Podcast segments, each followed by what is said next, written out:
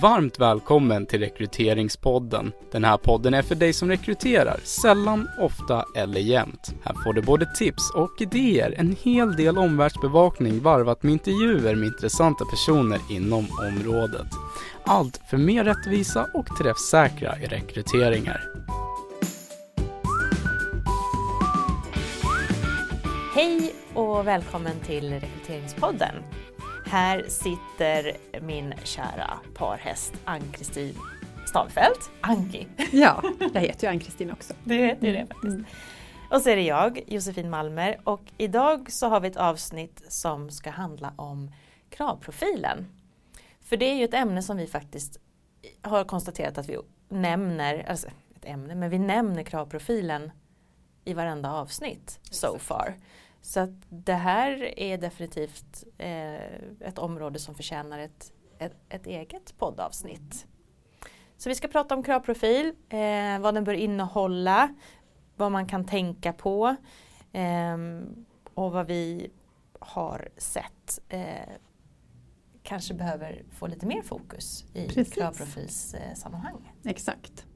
Och vi kan väl säga det också att en del föredrar ju att kalla kravprofilen för kompetensprofil. Mm. Och, men vi menar ju, alltså, det är ju samma sak egentligen mm. i vår värld i varje fall. Och vissa eh. säger också arbetsanalys, att man Exakt. gör en arbetsanalys. Mm. Så. Precis. Mm. Men eh, vi håller oss till ordet kravprofil. Mm.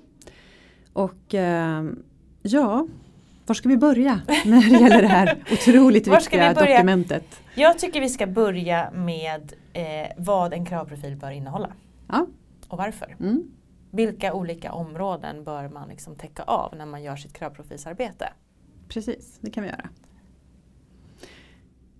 Eh, och då tänker jag så här att vissa delar är ju såklart väldigt givna. Mm. Jag tror att alla är väldigt vana vid att fundera kring de här mer formella kompetenserna mm. som jag brukar kalla det för i varje fall. Det vill säga utbildningsbakgrund, eh, vilken typ av kunskap har man sedan tidigare. Eh, det kan vara systemkunskap, det kan vara språk och så vidare. Och även såklart vilken typ av arbetslivserfarenhet tror man krävs för rollen. Mm det är ju någonstans någonting som nästan alltid finns med som ingen brukar glömma. Nej. Och det är också det som sen skrivs i annonsen vanligtvis. Exakt. De här delarna som du precis gick igenom. Mm. Så de är ju givna, tänker jag. Mm. Eh, annars i våra kravprofiler så finns där alltid inledningsvis eh, efter de här standardgrejerna. Liksom. Vad är det för befattningsnivå? Mm. Vem ska man rapportera till? Eh, hur ser liksom, teamet ut och så vidare. Mm. Eh, så finns där också en tidplan. Ja, precis. Och den är ju väldigt viktig. Sen vet vi att en del av er som lyssnar har säkert löpande rekrytering av vissa roller. Mm. Man söker alltid vissa roller. Så det är ju en annan sak. Men Eh, oavsett så behöver man ändå ha en struktur och en tanke kring hur när andra är involverade, när ska det då ske och så vidare. Så att den här tidsplanen är ju en, en grund för att egentligen också kunna hålla sig till en rimlig tid när det gäller rekrytering så att det inte drar ut på tiden. Utifrån kandidatperspektivet är den ju oerhört viktig och sen tänker jag också om man sitter i en sån roll att man samarbetar med en chef eh, kring det här. Antingen som som någon extern rekryteringskonsult eller, eller på en intern rekryteringsavdelning och har en beställare internt någonstans. Att man är tydlig också med den här rekryterande chefen kring att det här är dina ansvarsområden, det här är mina ansvarsområden och det här ska vara klart där och då. Och här mm. behöver du blocka tid i din kalender faktiskt för att göra kravprofilsarbetet exempelvis eller hålla intervjuer eller gå igenom första urvalet och tacka nej och återkomma till till dina kandidater. Så jag tänker att krav, kravprofilen kan ju också någonstans vara en liten så reminder till alla som är med. Vissa mm. har ju bättre koll på vad som ska vara i men ofta är ju chefer och, och andra också involverade i det här. Mm. Så då finns tidplanen med lite mer som en så påminnelse kring att just det, det här är ett projekt och det behöver hanteras på så sätt och vi behöver faktiskt eh, avsätta tid för att det här ska bli bra. Exakt. Mm. Bra, så en tidsplan, mm. eh, väldigt viktig.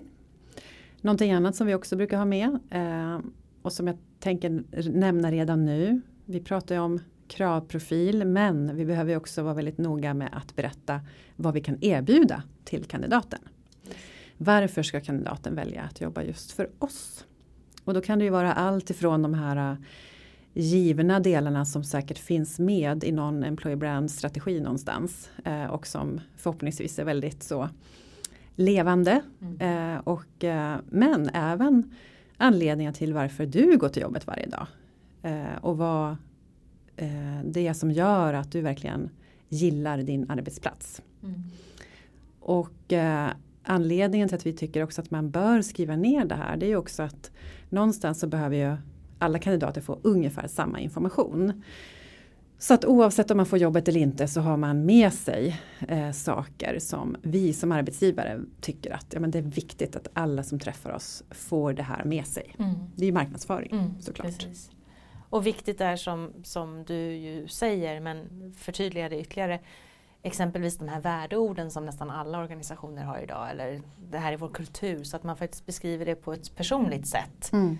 Det är ju att rekommendera. Att verkligen så här, det här ordet betyder det här för mig och så mm. här märks det faktiskt på jobbet. Eh, att vi har det här som ett av våra värdeord. Och att man faktiskt de här värdeorden, att de förhoppningsvis finns eh, definierade på beteendenivå. Mm. Och att man kan faktiskt kanske ge exempel utifrån sitt team eller från sin egen vardag. Mm.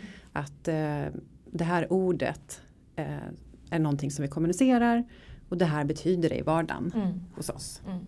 För då blir det tydligare. Och eh, då kommer vi osökt in på den delen som vi ju kanske tycker att man lägger lite för lite fokus vid rent generellt. Det behöver inte vara så för just dig som lyssnar nu. Du kanske lägger alltid fokus här och det beror såklart på vad det är för typ av roll som du ska tillsätta. Men de här mer eh, personliga kompetenserna. Där värdeorden kan vara eh, en del av det men där det oftast handlar om en massa adjektiv skulle jag vilja påstå. Man ska vara driven och flexibel och eh, analytisk och eh, öppen och så vidare. Och självgående och bra på att samarbeta. Och, mm. Ja, det Ungefär är väldigt så. mycket så. och, och, nu låter vi lite så raljanta men, men det är inte sällan som eh, man kan skriva upp tio adjektiv rätt upp och ner och tycka att alla känns precis lika viktiga och nödvändiga och kritiska för den här rollen. Mm. Och nästan för vilken roll som helst. Ja, ja. Om man nu ska hårdra det. Och för vilken verksamhet som helst och för ja. vilken bransch som helst. Mm. Och, och, vi kan ju ge oss på att konkurrenten skriver exakt samma mm. ord på sina kravprofiler också. Och där kommer vi ju då in på det här som, som du redan har sagt Anke, att det är nedbrutet på beteendenivå. Mm. För att vara flexibel exempelvis, det är faktiskt ett väldigt bra exempel mm. på hur, hur olika det här kan vara. Kan ju betyda oerhört olika saker beroende på vem som säger det. Eh, så alla som är med och fattar ett beslut kring vem som får jobbet i slutändan bör ju också vara involverade i kravprofilsarbetet. Exakt. Inte minst vad gäller de här personliga kompetenserna. Mm. Egentligen så ska ju alla liksom signa av mm. skriftligen i princip. Mm. Alla som är med och bestämmer. Eh, därför att då blir vi också någonstans mer, alltså vi är överens från början. Mm. Det är nu vi ska ha den här dialogen, det är nu vi ska diskutera och argumentera och verkligen eh, genomlysa den här rollen. Inte sen när vi har börjat träffa kandidater. Nej. För det kan ju annars vara så att man mm. står där med två slutkandidater och så börjar man prata på ett lite mer vad ska jag säga, djuplodande sätt kring mm. Eh, kandidat A och kandidat B. Och först då går det upp för alla som ska fatta beslutet. Herregud, vi har faktiskt inte haft en gemensam syn på den här rollen från början, från början ens. Utan, och det uppdagas här och nu när ja. vi ska ta vårt slutliga beslut. Och det är ju inte ovanligt. Nej, faktiskt. Nej tyvärr så är det ju så. så. Och då hamnar vi också i, förlåt att jag avbryter, ja, men då hamnar vi också i att vi väldigt mycket mer jämför kandidaterna mot varandra. För då vet vi inte riktigt vad det var vi, vi skulle leta efter utan Nej. då börjar vi titta på dem eh, liksom, ja, mot varandra helt enkelt och inte mot den rollen som de är aktuella för. Exakt. Mm. Så det är ju en viktig sak att ha med sig tänker jag. Att man faktiskt använder kravprofilen under hela processen. Även, eller inte minst, här i slutet. Mm. Vad är det nu som vi fattar ett beslut om? Vad är det vi får? och vad är det vi eventuellt inte får. Mm. Och det här leder oss också in på det här med att en del eh, företag som vi har träffat har sagt det att ja fast vet ni vi har ju så otroligt svårt att hitta kompetens. Så att vi känner så här, det är nästan ingen idé att ha någon kravprofil. Nej. Det är liksom, vi, vi får, får ta... Ja, någon som har puls har jag hört. Vi tar någon som har puls. Då duger det. Ja. Eh, ja. Men eh, sen är det ju självklart så att har man den situationen, vilket ju ganska många idag har faktiskt. Så är det ju ändå viktigt att vi faktiskt från början har satt upp vad som är absoluta skallkrav och vad som är mer av ett önskemål.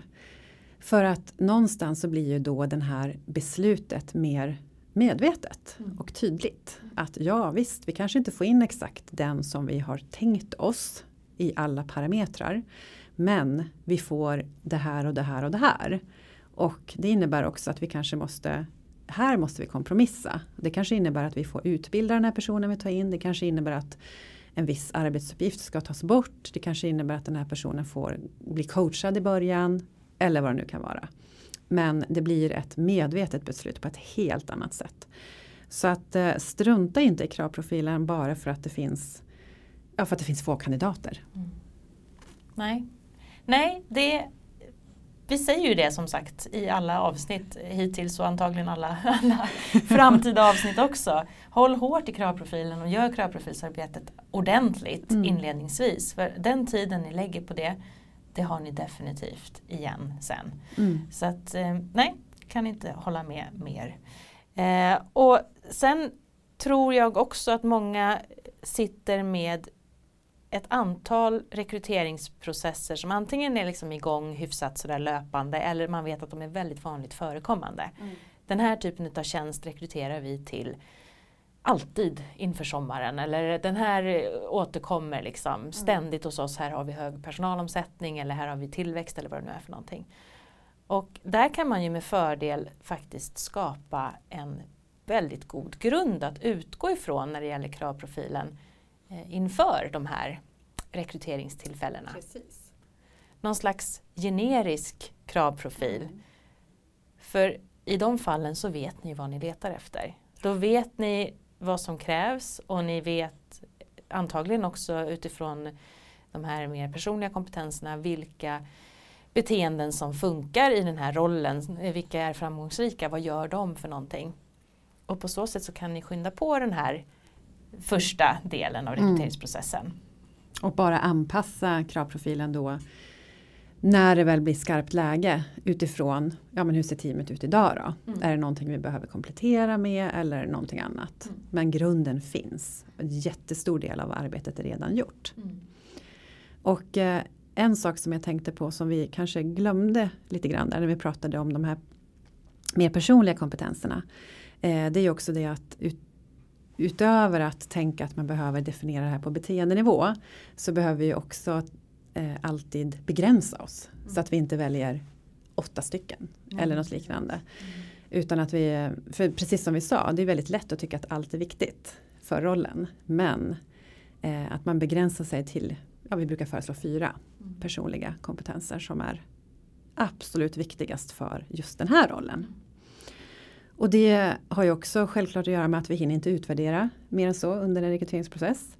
Men även att eh, när vi sitter i den situationen att vi har förhoppningsvis då ett par tre kandidater som vi tycker är ja men, matchar rätt väl. Så kommer ju, har vi då 8-10 personliga kompetenser så kan vi ge oss 17 på att en kandidat är väldigt stark på ett par tre utav dem. En annan kandidat är stark på några andra. Mm.